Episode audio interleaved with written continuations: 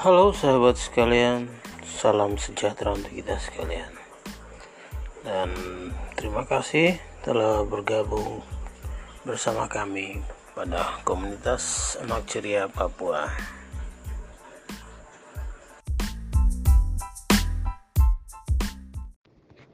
Oke, selamat pagi teman-teman yang ada di dalam grup edukasi saya atau mungkin voice note ini bisa didengarkan oleh banyak orang di luar sana. Nama saya uh, Dr. Genti Nanere. Saya ingin memberikan edukasi di masa Covid ini berhubungan dengan kejadian COVID yang akhir-akhir ini strain yang baru banyak sekali menyerang pencernaan kita. Ada beberapa kasus yang kita tahu bahwa virus COVID ini banyak memberikan gejala di awal melalui uh, pencernaan, kemudian pada saat seseorang mengalami gejala ada yang mual, muntah dan diare, uh, kemudian diikuti oleh uh, beberapa hari setelah follow up, akhirnya sudah ada masalah di paru-paru, ronki dan akhirnya tidak tertolong. Ya, dan itu case-case yang ada di bawah sana tentang bagaimana keganasan virus ini mulai terlihat menyerang banyak di pencernaan. Nah, kenapa seperti itu? Kita harus tahu pertama bahwa kunci untuk melawan COVID ini adalah meningkatkan imun sistem atau pencernaan kita. Mengapa? Karena 70% imunitas atau kekebalan tubuh kita ada di pencernaan kita atau usus kita. Masalahnya banyak sekali orang-orang kita di Asia Tenggara ataupun Indonesia dalam hal ini banyak mengalami masalah lambung atau masalah pencernaan ini ya. Mungkin karena pola makannya mungkin juga banyak hal yang membuat akhirnya uh, bermasalah dengan uh, masalah lambung ini. Nah pada saat kondisi seperti itu kita punya masalah lambung terjadi um, gangguan penyerapan nutrisi di dalam usus kita tidak maksimal dari makanan-makanan yang kita konsumsi akhirnya kita mudah sekali rentan terhadap penyakit termasuk si covid ini karena imunitas rendah dan tidak dibangun dari perut itu itu sebabnya saya selalu menggaungkan kesehatan perut pencernaan harus diutamakan dari 10 tahun yang lalu. Pertama kali saya kembali dari Amerika. Saya mengalami sakit mah, saya mengalami sakit lambung dan saya sembuh bukan dari obat-obatan lambung. Saya sembuh dari pola makan yang benar. Saya tidak makan susu hewani, saya mengkonsumsi susu beras, susu almond, semua susu-susu nabati dan saya mengkonsumsi jus wortel dan mengkonsumsi probiotik. Akhirnya saya sembuh dari masalah lambung saya. Perlahan-lahan imunitas saya juga dibangun. So, apa yang harus kita kerjakan saat ini, teman-teman?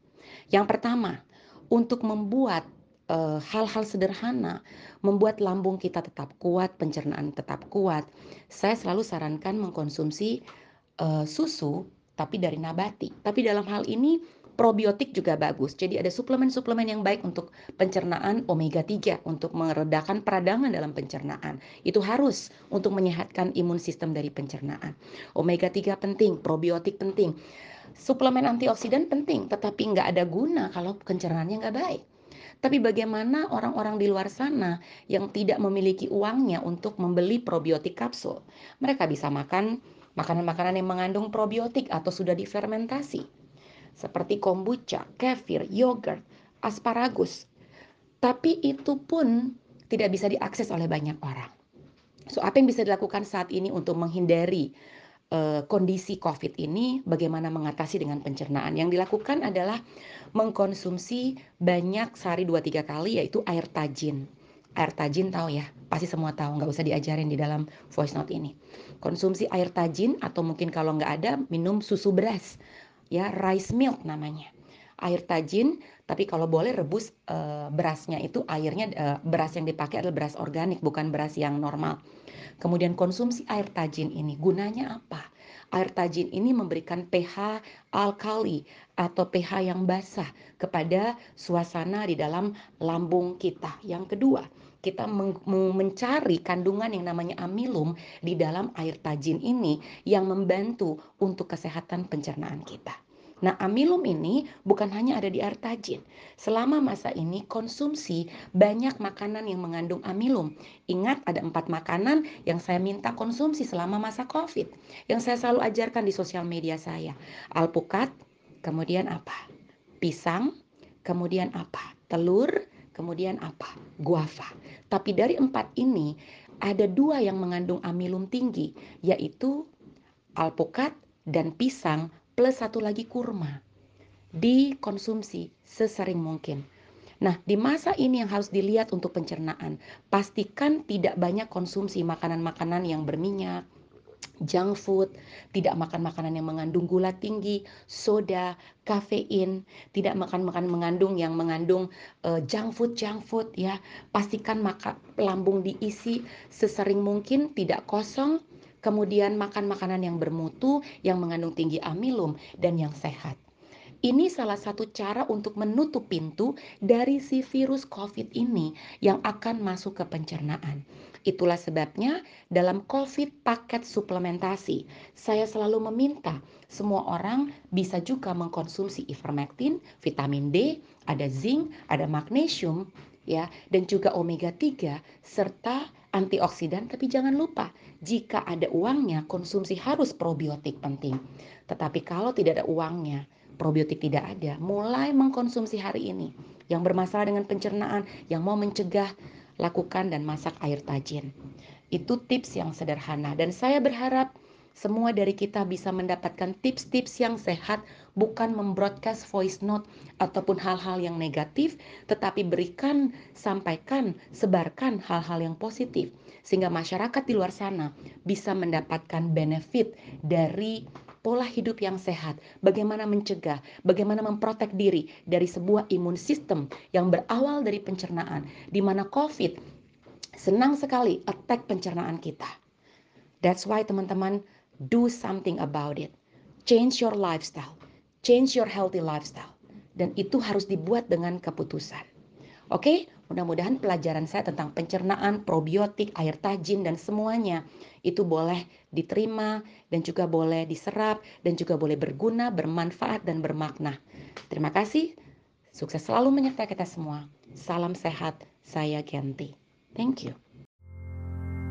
Instruksi Wali Kota Jayapura nomor 14 tahun 2021 larangan menjual, mengkonsumsi minuman beralkohol, dan melakukan kegiatan yang menimbulkan bunyi-bunyian selama perayaan Hari Natal tahun 2021 serta Tahun Baru 1 Januari 2022 di Kota Jayapura. Kesatu, dilarang menjual dan mengkonsumsi minuman beralkohol serta melakukan kegiatan yang menimbulkan bunyi-bunyian selama menyongsong perayaan Hari Natal dan Tahun Baru yang diatur sebagai berikut. Terhitung mulai tanggal 23 Desember 2021 sampai dengan tanggal 5 Januari 2022 kepada setiap pemilik bar, kafetaria, karaoke, panti pijat, dan penjual minuman beralkohol legal tidak diperkenankan beroperasi membuka kegiatan usaha pada siang hari dan hanya dapat beroperasi membuka kegiatan usahanya pada malam hari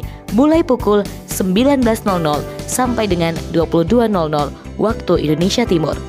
Untuk hotel, beroperasi seperti biasanya.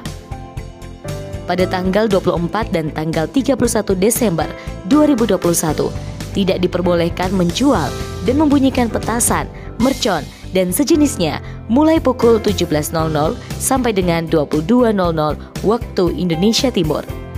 Pada tanggal 25 26 Desember 2021 dan tanggal 1 Januari 2022 tidak diperbolehkan menjual dan membunyikan petasan, mercon, dan sejenisnya mulai pukul 5 pagi sampai dengan pukul 12 siang waktu Indonesia Timur.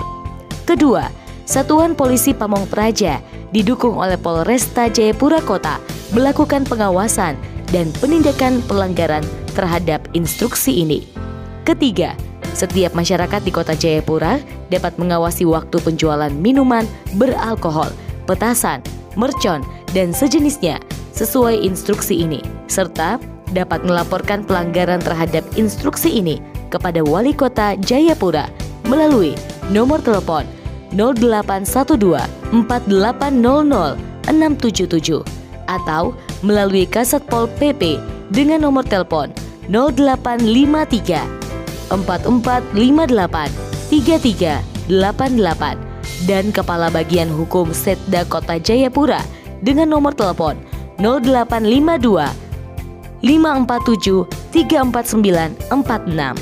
Keempat, bagi yang melanggar ketentuan sebagaimana diatur dalam instruksi ini akan diambil tindakan tegas sesuai ketentuan yang berlaku. Instruksi ini mulai berlaku pada tanggal dikeluarkan 30 November 2021 tertanda Wali Kota Jayapura Dr. Dr. Andus Benhur Tomimano MM